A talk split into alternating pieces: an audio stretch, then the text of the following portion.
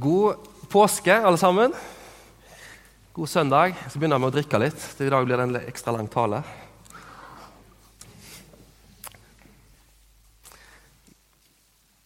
Veldig flott å se alle sammen. I dag skal jeg selvfølgelig snakke om oppstandelsen. Det er tema for denne dagen i dag. Jesu oppstandelse. Oppstandelsen er enormt viktig. Den er helt nødvendig for at det skal kunne være i tro, i kristen tro i det hele tatt. Og Apostelen Paulus eh, han gjør et eh, tankeeksperiment i 1. Korinterne 15, som vi skal lese. Men han sier Hvem hadde vi vært? Hva hadde vår tro vært om Jesus ikke hadde stått opp fra de døde? Og Så slår han fast at da hadde vi jo ikke hatt noe håp om syndenes forlatelse og så hadde vi heller ikke hatt noe håp om oppstandelse fra de døde for noen som helst. Og Da hadde vi heller ikke hatt noe håp om noe gjensyn med våre kjære. Eller noe håp om at Jesus skulle kunne gi oss et evig liv. I et helt kapittel da, i 1. Korinterbrev 15 så skriver Paulus om dette. Jeg skal lese ganske mye. Dere kan følge med på skjermen. Jeg kunngjør for dere søsken det evangelium jeg forkynte dere, det dere også tok imot, det dere også står på. Gjennom det blir dere også frelst, når dere holder fast på ordet slik jeg forkynte det. Ellers blir det forgjeves at dere kom til tro. For først og fremst overga jeg til dere det jeg selv har tatt imot, at Kristus døde for våre synder etter Skriftene, at han ble begravet, at han sto opp den tredje dagen etter Skriftene, og at han viste seg for Kefas og deretter for de tolv. Deretter viste han seg for mer enn 500 søsken på én gang. Av dem lever de fleste ennå, men noen er sovnet inn. Deretter viste han seg for Jakob, deretter for alle apostlene. Aller sist viste han seg for meg, jeg som bare er et ufullbåret foster. Og så fra vers 14.: Men er ikke Kristus stått opp? Da er vårt budskap tomt, og deres tro er også tom. Da står vi som falske vitner om Gud, for da har vi vitnet imot Gud når vi sier at han har oppreist Kristus, noe han ikke har gjort hvis døde ikke står opp. For hvis døde ikke står opp, er jo heller ikke Kristus stått opp. Men hvis Kristus ikke er stått opp, da er deres tro uten mening, og dere er fremdeles i deres synder. Det er også de fortapt som har sovnet inn i Kristus. Hvis vårt håp til Kristus gjelder bare for dette livet, er vi de ynkeligste av alle mennesker. Men nå er jo Kristus stått opp fra de døde, som førstegrøden av dem som er sovnet inn. Det er den store forskjellen. Enten så er det det at troa rakner og slutter, eller så er det det at troa fødes og begynner. Jesu oppstandelse. Men nå er jo Kristus stått opp, sier Paulus. Og Før denne her apostoliske trosbekjennelsen som vi har i tre ledd, Faderen, Sønnen og Den hellige ånd, så hadde de første kristne sånne korte bekjennelser. Det som Elisabeth begynte gudstjenesten med. For så sa de 'Jesus er Herre', men den som var enda mer vanlig, er den som Elisabeth eh, hadde her. 'Han er oppstanden'. Så når de møtte hverandre, så sa de det. Og Så svarte de som hørte det, 'Ja, han er sannelig oppstanden'. Og Poenget med det var at har du sett Jesus dø på et kors, det hadde de her gjort, de første kristne. Har du sett Jesus bli tatt ned som en død mann, lagt som en død mann i ei grav, og steinen rulla foran grava, og han så vise seg som herre over død, ved å stå opp fra de døde og på en måte bli synlig som den oppstandende, så er det en bekjennelse. Han er oppstanden.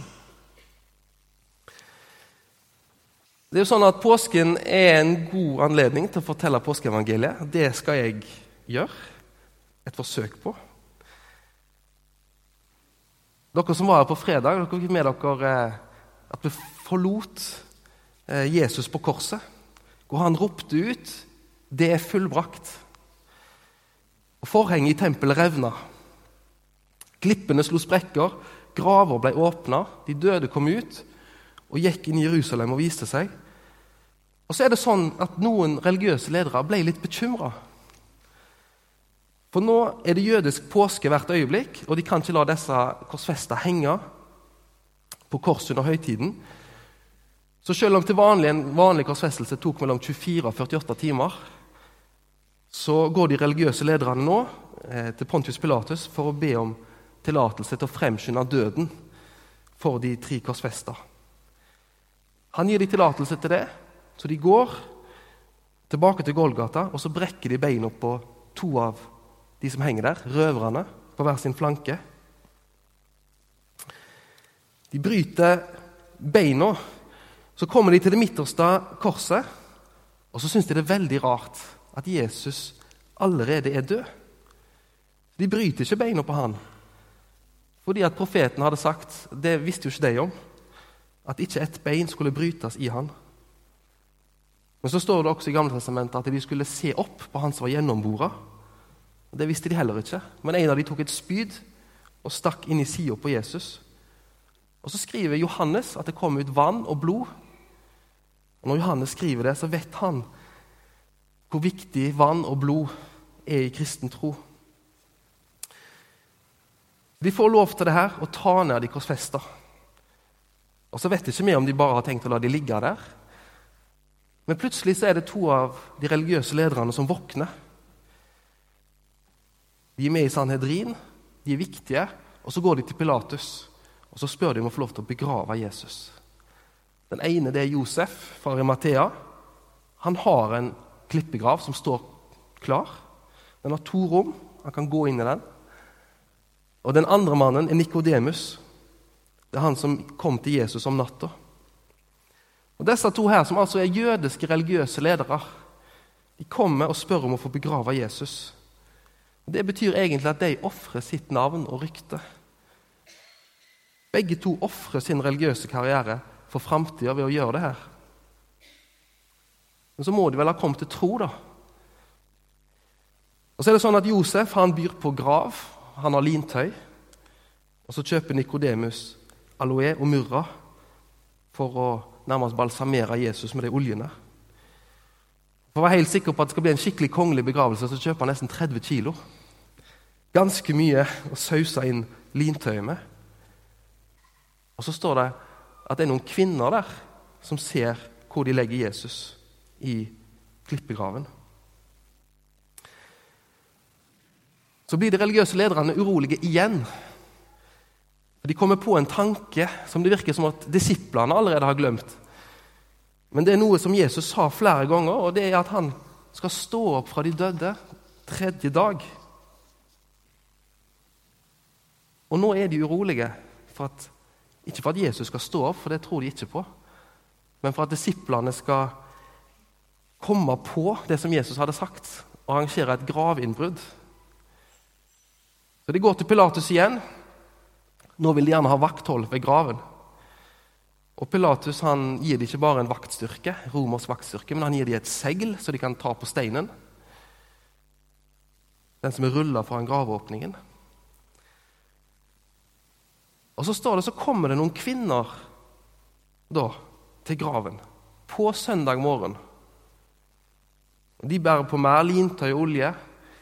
De, har, de, prater sammen, de har en samtale. De snakker sikkert om hvem som skal få vekk den store steinen. Hadde de visst at det var romersk vakthold og seil der, så hadde de kanskje aldri begynt å gå. i det hele tatt. Men så snakker de om hvordan skal vi få bort steinen. Plutselig så skvetter de til. For det kom et stort jordskjelv, og det står at en Herrens engel steig ned, gikk fram og rulla steinen til sides og satte seg på den. Og Klærne hans er hvite, som om det var et lyn å se til. Og Alt dette gjør at vaktene de faller om eller stikker derifra. Så Når kvinnene kommer, så ser de at steinen er borte, grava er åpen. Og så ser de engelen som sier han er ikke her. Han er oppstanden. Det er et fantastisk utsagn. Noen her har sikkert vært i Jerusalem og vet at det er noen alternativer til hvor grava kan ha vært. Vi har gravkirka inne i gamlebyen, og så har vi det som blir kalt for Gordons Golgata og gravhagen. Og inni der, inni den graven, når du står inne og skal gå ut av døra så henger det et skilt. Så står det på engelsk, da. Han er ikke her. Han er oppstanden. Og Det er jo en kjempeflott setning, men egentlig så er det feil. Det var rett akkurat der og da, men bare der og da. Når kvinnene kom for å lete etter en død mann, da var det rett. Men siden så har det vært sant at uansett hvor i verden du er, uansett hva situasjon du kom i, så kan du si han er her fordi han er oppstanden.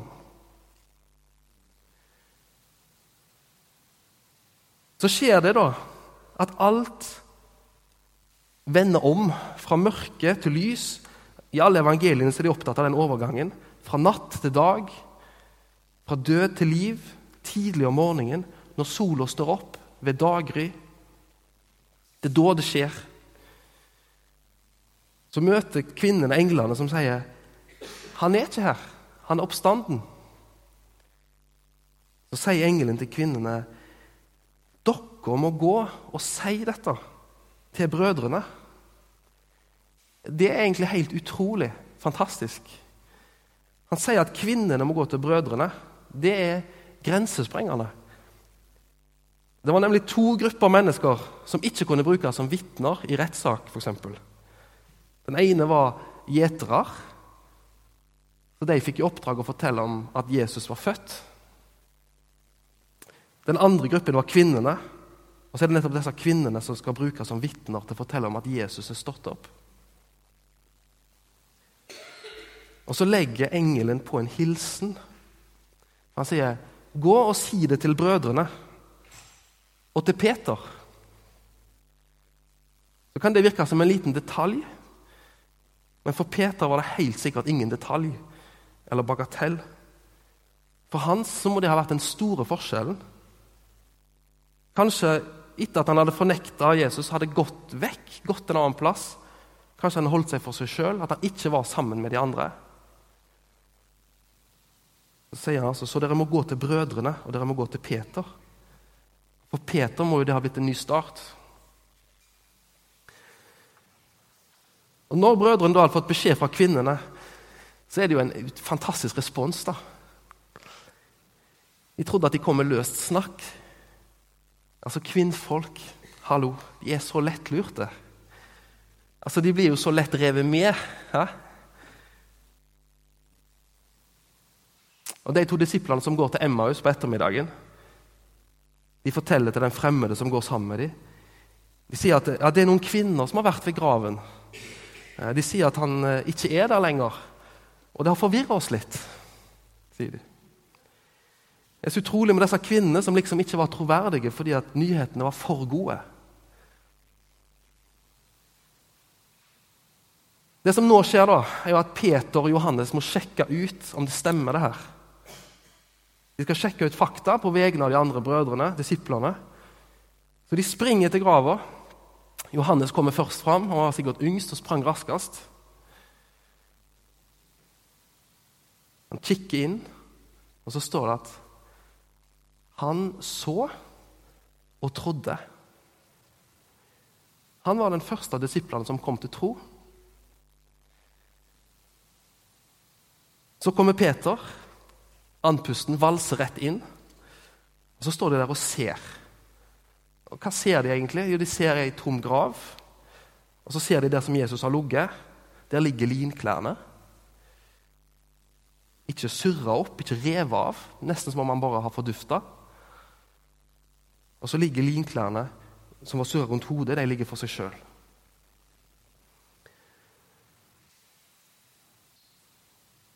Men det er altså kvinnene som først går med de gode nyhetene til disiplene. Samtidig så går vaktene som har vært der, til de religiøse lederne med de dårlige nyhetene.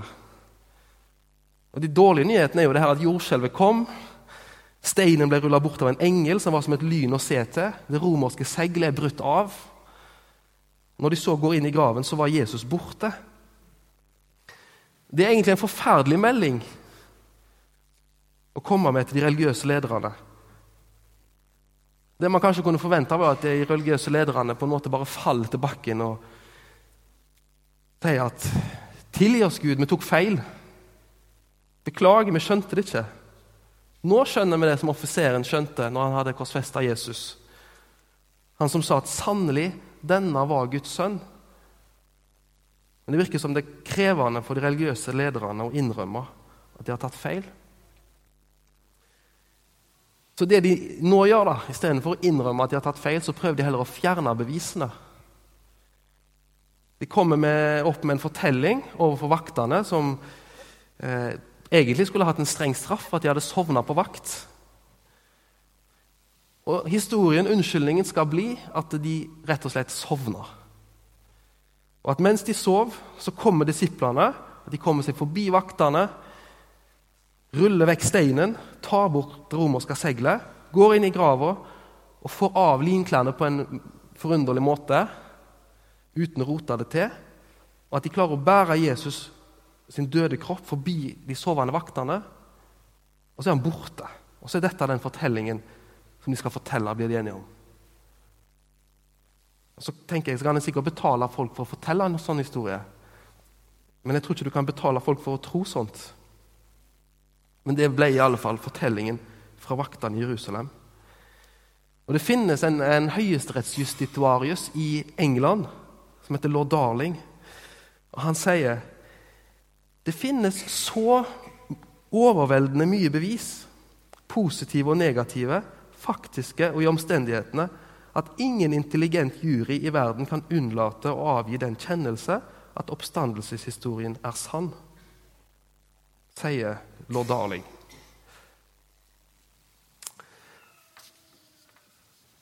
Maria hun ble værende. Hun gikk tilbake til grava etter at kvinnen hadde vært der, etter at Peter og Johannes hadde vært der. Så går hun tilbake igjen ved grava. Hun er urolig for at de på en eller annen måte har fjerna Jesus og lagt han en annen plass. Det har liksom ikke gått inn ennå at han har stått opp fra de døde. Og så er det en fantastisk fortelling som blir gjengitt i Johannes 20. Vi bare skal lese fra vers 11. Men Maria sto like utenfor graven og gråt. Gråtende bøyde hun seg fram og så inn i graven. Da fikk hun se to hvitkledde engler sitte der Jesu kropp hadde ligget, en ved hodet og en ved føttene. Hvorfor gråter du, kvinne? spurte de. Hun svarte, De har tatt Herren min bort, og jeg vet ikke hvor de har lagt ham. I det samme snudde hun seg og så Jesus stå der, men hun skjønte ikke at det var han. Hvorfor gråter du, kvinne? spør Jesus. Hvem leter du etter? Hun trodde at det var gartneren, og sa til ham, Herre, hvis du har tatt ham bort, så si meg hvor du har lagt ham, så skal jeg ta ham med meg. Maria, sa Jesus. Da snudde hun seg og sa til ham på hebraisk, Rabuni, det betyr mester. Jesus sier til henne, Rør meg ikke, for jeg har ennå ikke steget opp til far, men gå til mine brødre og si til dem at jeg stiger opp til ham som er min far og far for dere, min Gud og deres Gud. Da gikk Maria Magdalena av sted og sa til disiplene, 'Jeg har sett Herren.' Og hun fortalte hva han hadde sagt til henne. 'Jeg har sett Herren.' Kristen tro er ikke bygd nemlig på en filosofi eller ideologi. Den er bygd på øyenvitner som har sett Herren som den oppstandende.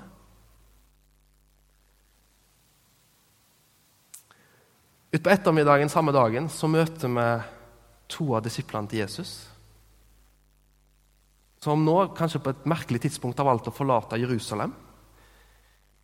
Og Særlig nå som kvinnene har gjort de urolige med sine historier. Men det virker som de er så inne i dette med død og grav at de orker ikke å være sammen med de andre lenger. De må gå. De har ikke noe håp om oppstandelse, så de bestemmer seg for å gå hjem, antagelig gi opp alt. De går fra Jerusalem til Emmaus, 12 km, rett vest. Det er nedoverbakke hele veien. Mens de går der og depper og snakker med hverandre, så kommer det en fremmed opp på sida av dem og spør hva de går og snakker om. Og Så ser de sikkert litt sånn forundra opp, og så tenker de at i alle dager må du være den eneste som har vært i Jerusalem disse dagene, som ikke vet hva som har skjedd. Og så er jo Jesus fantastisk. Da. Han kunne jo tatt de litt på senga og sagt at ja, kanskje jeg er den eneste i Jerusalem som vet hva som har skjedd. Virkelig. Men så lar han de være i fred. På den måten at han begynner å snakke med dem om hva som har skjedd. Og Så begynner det en samtale, og så begynner han et bibelstudium. og Så går han gjennom alt som er skrevet helt fra Mosebøkene av, gjennom salmene, skriftene, profetene. Legger ut alt for dem mens de går. Og Når de har kommet fram 12 km til Emmaus, det er seint, han later som om han vil gå videre, så sier de at nei, du må bli hos oss, for nå er det seint, og dagen er snart over. Så han tar imot invitasjonen, går inn sammen med dem, og så gjør de i stand kveldsmat. Så setter de seg ved bordet, og så strekker de brødet til han. Og enten da så må det være at de gjenkjenner han på metoden. Eller så er det første gangen han viser hendene sine til dem når han tar imot brødet og bryter det. Men når han tar brødet og bryter det, da skjønner de at alt håp er ikke ute, men alt håp er inne der sammen med dem. Og Han sitter foran dem, og så kjenner de Jesus igjen. Og når de kjente han igjen, så ble han usynlig for dem, står det. Men så er det akkurat som om at det gjør ingenting. For nå hadde de sett han både med sine fysiske øyne, de hadde sett han på veien. Da hadde han åpna skriftene for dem, åpna hjertene deres. Og nå hadde han åpna øynene deres.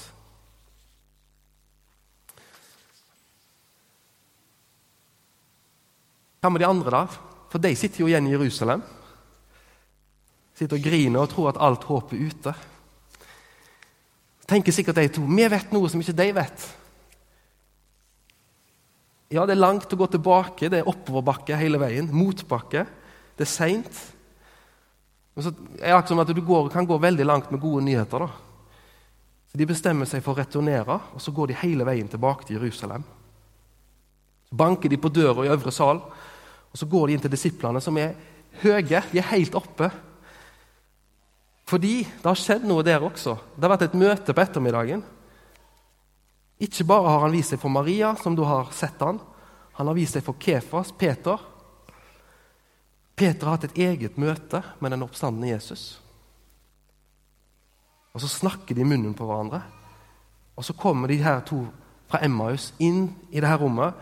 Og Så sier de da til de andre ja, vi gikk, og vi kjente han ikke igjen med en gang. Men når vi kom fram til Emmaus, og skulle til å spise, så skjedde det noe. Og så forteller de at de har sett den oppstandende Jesus. Så skjer det noe i det rommet. For plutselig så står Jesus der. Løfter hendene over dem, og så sier han, 'Fred. Fred være med dere.'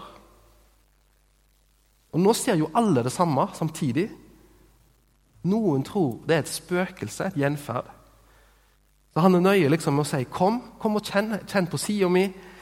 Det er kroppen min. Det gir meg noe å spise. Det er fysisk, det her. Og Så begynner han med bibelstudien, legge ut skriftene for dem. Og I alt det som skjer her, så er det tenker jeg, for oss òg noen gode grunner til å tro på oppstandelsen. Noen av oss har gjort oss erfaringer opp gjennom livet, har hatt opplevelser som har vært viktige for oss, hjulpet oss. Men så trenger vi også få grunner som ligger litt sånn utafor oss. Hjelp til å tro. Ytre bevis. Da, det, da holder troa litt mer i motgang og medgang. Da overlever den døden. Dere som har vært med på alfakurs en eller annen gang, har kanskje hørt historien om eh, en misjonær som jobba blant barn i Midtøsten, ei dame. Hun var ute og kjørte på eh, bil, og så plutselig gikk hun tom for bensin. Og så var det langt til bensinstasjonen. Så hun tenkte hun måtte finne ei bensinkanne. Det fant hun ikke. da. Men siden hun jobba med barn, så fant hun ei tissepott i bilen. Så hun tok med seg tissepotta, gikk to kilometer til nærmeste bensinstasjon og fulgte bensin oppi tissepotta, gikk tilbake til bilen og så begynte hun å helle bensin fra tissepotta over på bensintanken på bilen. Og så kommer det en stor Chevrolet med sota vinduer forbi og sakker der farten og bremser opp. Og så går det to vinduer ned.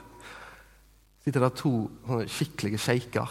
Så sier han som sitter nærmest hun dama, at du, eh, min venn og meg her, eh, vi deler nok ikke din religion, men vi beundrer din tro, sier det. Ja.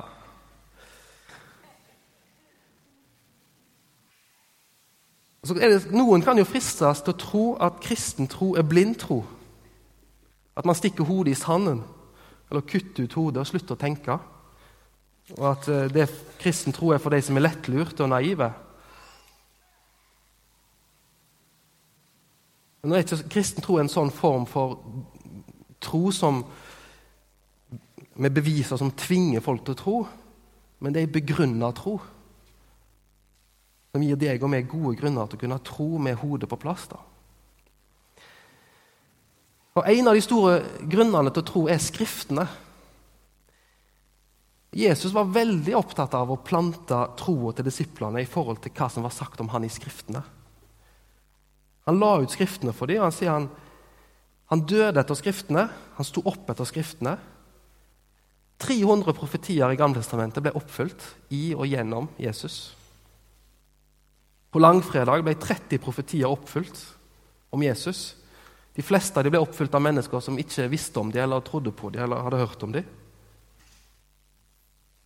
Kanskje den største og aller viktigste grunnen til å tro at Jesus har stått opp fra de døde og er Guds sønn, er jo Skriftene. Det andre er jo øyenvitnene. Det har vi også her. Øyenvitneskildringene. De som så. Det var ikke bare én som gjorde det. Det var ikke bare to heller som hadde kommet i transe. Men han viste seg mange ganger over en periode på 40 dager. Han viste seg en gang for 500 mennesker på én gang. Og så sier han av de 500, de fleste av de er i live. Så hvis, hvis, du vil ha navn og adresser for å sjekke, så kan du godt få det. på en måte. De fleste lever, sier. Noen har sovna inn. Det betyr at 20 år siden dette skjedde, så skriver Paulus det her i 1. Korinterne 15. Det er ganske kort tid, det. Og Disse vitnene som ble apostler, de måtte alle sammen gi livet sitt for troa si, som martyrer. Det betyr at det er veldig mange mennesker som har dødd for noe de har trodd har vært sant. Det er ingen mennesker som er villige til å dø for noe de vet er løgn. Det er troverdige vitner. Og så har vi grava. Vi har jo hørt historien om steinen nå, seilet, jordskjelvet, vaktene. Men det faktum at gravkirka i Jerusalem den, ikke, den, plassen ble ikke funnet, den ble ikke oppretta i kirka der før i det fjerde århundret. Hvorfor ikke det? En vet jo det at For eh, graver til kjente mennesker er jo viktige. Folk valfarter der. De går til grava, for det er jo der den døde ligger. Det er der folk skal. Men det gjorde ikke de første kristne. Det var jo ikke viktig å gå til ei tom grav når du har en levende frelser. Så det faktum at grava ikke var så viktig, at den ikke har blitt lokalisert skikkelig tidlig, da, vitner egentlig om en fantastisk fortelling. Grava er ikke viktig når du har en levende frelser. Og Så har du disiplene. De går gjennom en fantastisk forvandling. Først, De var feige. Alle stakk av i Getsemane. Peter prøver å henge på. Han fornekter Jesus. Han banner på at han ikke kjenner han når han blir trua. Men når han har sett han, når han har stått ansikt til ansikt med han som var død, men som nå hadde beseira overvunnet død og grav Etter det De kunne gå hvor som helst. De kunne gjøre hva som helst for sin Herre og Frelser. De var rett og slett annerledes. Og så har vi holdt på å si 2000 år med erfaring. Mennesker som har sett og møtt og kjent, følt, opplevd Jesus. Noen har hatt sterke syner, åpenbaringer. Andre har opplevelser. Andre har igjen bare kommet til tro over tid. Men det vi har felles, er at vi har våre møter da, med Jesus på ulike måter. Og så lever vi i en tid hvor vi har flere kristne som forfølges enn noen gang. Helt nylig, helt akkurat nå. Og så må vi nesten spørre oss sjøl, eller jeg spør meg sjøl fall Tror jeg på en sånn måte at jeg er villig til å dø for det her?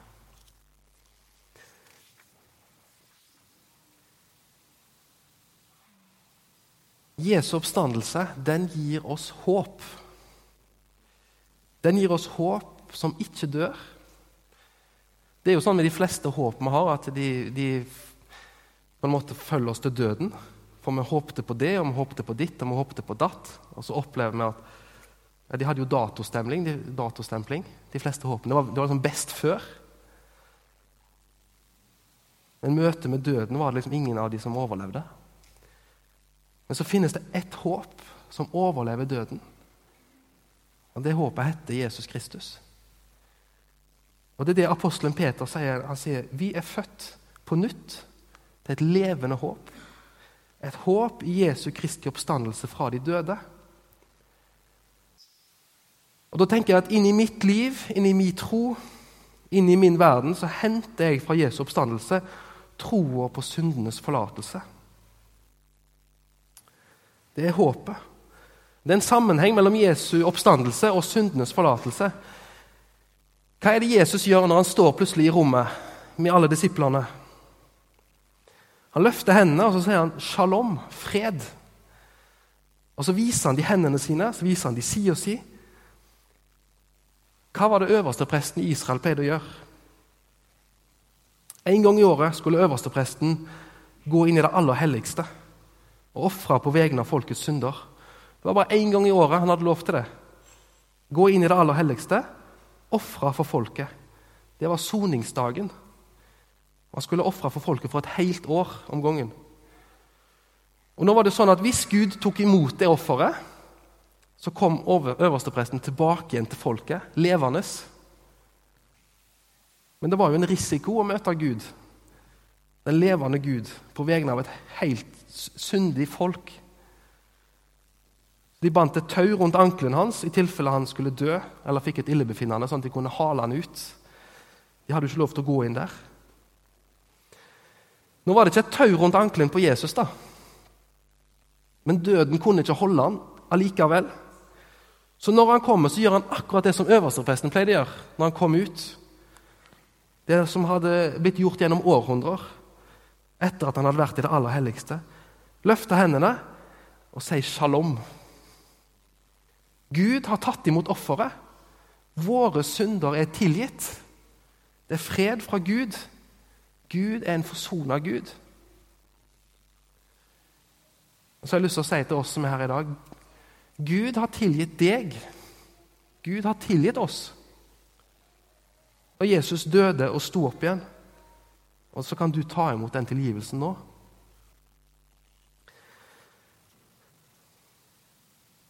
Og så har vi det her med legemets oppstandelse. Jesus er veldig opptatt av at det er fysisk. Det er jo mange som tror på ulike former for etterliv i forskjellige religioner. Veldig vanlig med reinkarnasjon. Å tro på det. Man tror at det finnes noe overnaturlig, at man tror at det finnes noe etter livet. At ting går om igjen. Det er syklus. Det resirkuleres, livet. Men den bibelske læren da, er tro det er en skapelse. Dette er lineært. Det er ikke sirkulært. Det er en skapelse. Skapelsen fører til fall. Fører til forsoning og oppstandelse. En ny begynnelse. Og Så beveger alt seg framover. Og En dag der framme kommer det en ny himmel, en ny jord. Gud har en plan. da. Det går mot et mål. Derfor er Jesu oppstandelse mer enn et tegn på at en død kropp får liv. Den er et tegn på at det finnes en virkelighet som er annerledes enn vår. Den er ikke bare fysisk. Den er ikke heller bare åndelig. Vi skal ikke sveve på rosa skyer, spille på usynlige rosa harper. Det er et fysisk, virkelig liv. Himmelen er virkelig. Jesus sa jo det. 'Jeg går bort for å gjøre i stand et sted for dere.' Og Når jeg har gjort i stand et sted, så kommer jeg tilbake for å ta dere til meg, sånn at dere kan være der som jeg er. Så Jesu oppstandelse er derfor vitnesbyrd om at det finnes et liv etter døden som er fysisk, kroppslig. Og så tror vi at det gir oss det evige livet, oppstandelsen. På første påskedag, når Jesus står og har sagt at det er fred fra Gud, så står det at han ånda på dem. Ta imot Den hellige ånd, sa han. Samtidig så står det en del folk nede i tempelet på sabbaten, dagen etter sabbaten, første påskedagen. De har kornhøstens høytid. De skal svinge et kornbånd.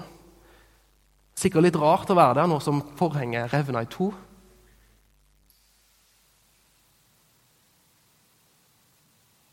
De prøver liksom å holde ritualene i gang. da.